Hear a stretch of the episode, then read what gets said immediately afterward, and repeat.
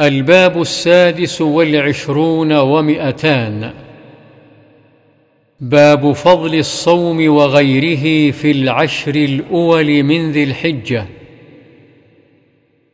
عن ابن عباس رضي الله عنهما قال قال رسول الله صلى الله عليه وسلم ما من أيام العمل الصالح فيها أحب إلى الله من هذه الأيام يعني أيام العشر.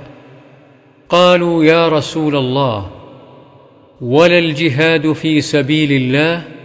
قال ولا الجهاد في سبيل الله إلا رجل خرج بنفسه وماله فلم يرجع من ذلك بشيء. رواه البخاري.